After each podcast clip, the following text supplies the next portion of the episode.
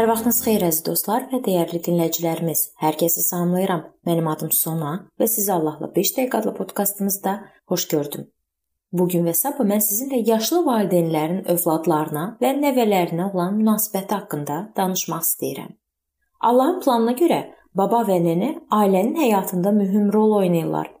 Qanun təkrarı 4.9-da yazılıb. Ancaq diqqətli olun. Gözünüzlə gördüklərinizi unutmamaq və ömür boyu yaddan çıxarmamaq üçün böyük səy göstərin. Bunları övladlarınıza, nəvələrinizə öyrədin. Babaların borcu öyrətməkdir. Babalar öz övladlarına və nəvələrinə Allahın onlar üçün nə etdiyini danışmalıdırlar. Yəni onlara mirası ötürməlidirlər. Onlar müqəddəs kitabın təlimlərini rədd edən oğlun, qızın və ya nəvənin özünün yaxşı olduğunu düşünməsinə icazə verməməli törəmələrinin onlara öyrədilən şeylərdən imtina etmələrinə narazılığını bildirməlidirlər. Cəmiyyəti yaxşı idarə edən ağsaqqallar, xüsusən vəz və təlim işində zəhmət çəkənlər maddi və mənəvi cəhətdən təmin olunmağa layiq görülsün. Bu Timoteyə 5:17-də yazılıb. Bu ayədə imanlar cəmiyyəti xidmətçiləri barədə danışılır. Lakin bu sözləri yaxşı idarə edən bütün yaşlı valideynlərə də şamil etmək olar. Bu o demək deyil ki, onlar istədikləri kimi idarə edə bilərlər. Bu ondan xəbər verir ki, babanın və nənənin rəyi bu və ya digər məsələdə nəzərə alınmalıdır. Yaxşı idarə edən adam İbrahim kimi oğullarına və özündən sonrakı nəslinə salih və ədalətli işlər görmək üçün Rəbbin yolu ilə getməyi tapşırmalıdır. Bu yaradılış 18-19-da yazılıb. Övladları və nəvələri istənilən məsələ ilə bağlı məsləhət almaq üçün müraciət edə bildikləri yaşlı adamlar həqiqətən də xüsusi hörmətə layiqdirlər. Yerli imanlar cəmiyyətinin yaşlı üzvləri həm də fəal şəkildə icmaya ruhani məsələlərdə rəhbərlik etməlidirlər. Lakin bu onların ailənin həyatındakı iştirakı ilə başlayır. Zəlzələ nədir? Bir dəfə oğlan anasından soruşdu. Qadın da cavab verdi. Bəlkə babandan soruşasan. Oğlan elə də etdi və babası uşağa bu sözün mənasını izah etmək üçün vaxt ayırdı.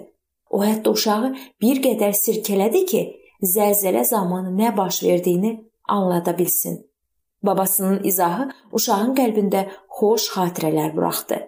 Biz elə bir zamanda yaşayırıq ki, Məsihə tapınan çoxlu sayda adam ədalətli hesab etdikləri tərzdə yaşayır və hərəkət edir. Maddi rifah imandan çəkilmək toxumları üçün münbit şəraitə çevrilib. Bəzi babalar və nənələr yalnız öz problemləri ilə məşğul olub xudbin həyat sürürlər. Onlar özləri üçün yaşayır, övladlarının və nəvələrinin vəziyyəti ilə bağlı elə də narahat olmurlar. Bəs nənə və babalar övladlarının və nəvələrinin həyatında ciddi fəal iştirak etmək istəməsələr, məhdudlaşdırıcı element haradan gələcək? 1-ci, əldən getmiş ehtiramın bərpasına baxaq. Bu gün belə bir təsəvvür yaranır ki, dünyada bir çox ailələrdə münasibətlərdə nə isə vacib bir şey çatışmır. Bu imanlar cəmiyyətlərində də hiss olunur. Mən yaşlılara ehtiramdan danışıram. Məsələdə kimi isə, nəyi isə ittiham etmək olar. Lakin bu faydasız olacaq varlı, sərbəst olduqca insanlar başqa dəyərlərlə birlikdə ehtiramı da itirirlər. İtirilmiş dəyəri qaytarmazdan əvvəl onu itirdiyimizi etiraf etməliyik. Bundan sonra isə tədricən onu qaytarmaq üçün lazımi addımlar atılmalıdır. Biz onu bir gündə itirməmişik. Ona görə bir gün ərzində də geri qaytara bilmərik. Əgər hamımız səmimi şəkildə bunu etiraf etsək, Allah bizə itirdiyimizi bərpa etməyə kömək edər. Biz itirilmiş mövqeləri qaytarmalıyıq və bizdən əvvəl yaşayanlara yenidən lazımi səviyyədə münasibət göstərməliyik. 1-ci Petr 5, 1-3-də yazılıb: Ey aranızda olan ağsaqqallar, mən də sizin kimi ağsaqqal və Məsihin əzablarının şahidiyəm. Zühur edəcək izzətə də şərikəm. Sizə yalvarıram, Allahın sizə həvalə etdiyi sürüsünü otarın. Ona zorla yox, könüllü və Allah razı salan tərzdə haqsız qazanca həris olmadan həvəslə nəzarət edin. Sizə tapşırılanlar üzərində ağalıq etməyin, amma sürüyə nümunə olun. Biz ədalətli olaraq bu ayəni xidmətçilərə aid edirik. Lakin bunu bütün başqa yaşlı insanlara da aid etmək olar. Biz onlardan nümunə götürürük. Onlar imanlar cəmiyyətinə nəzarət edirlər. Birbaşa olmasa da bilavasitə. Zorla yox, bu əmri də yerinə yetirməliyik.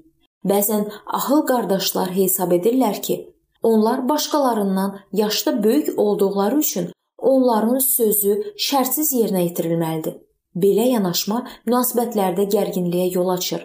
Həvari Peter həqiqətən də gəncləri yaşlılara tabe olmağa çağırır, lakin əlavə də edir. 1-ci Peter 5:5 Eynilə siz də ey gənclər ağsaqqallara tabe olun. Hamınız bir-birinizə itaatkarlıq göstərin. Bu mövzunun davamını biz növbəti görüşümüzdə araşdırmağa davam eləyəcəyik.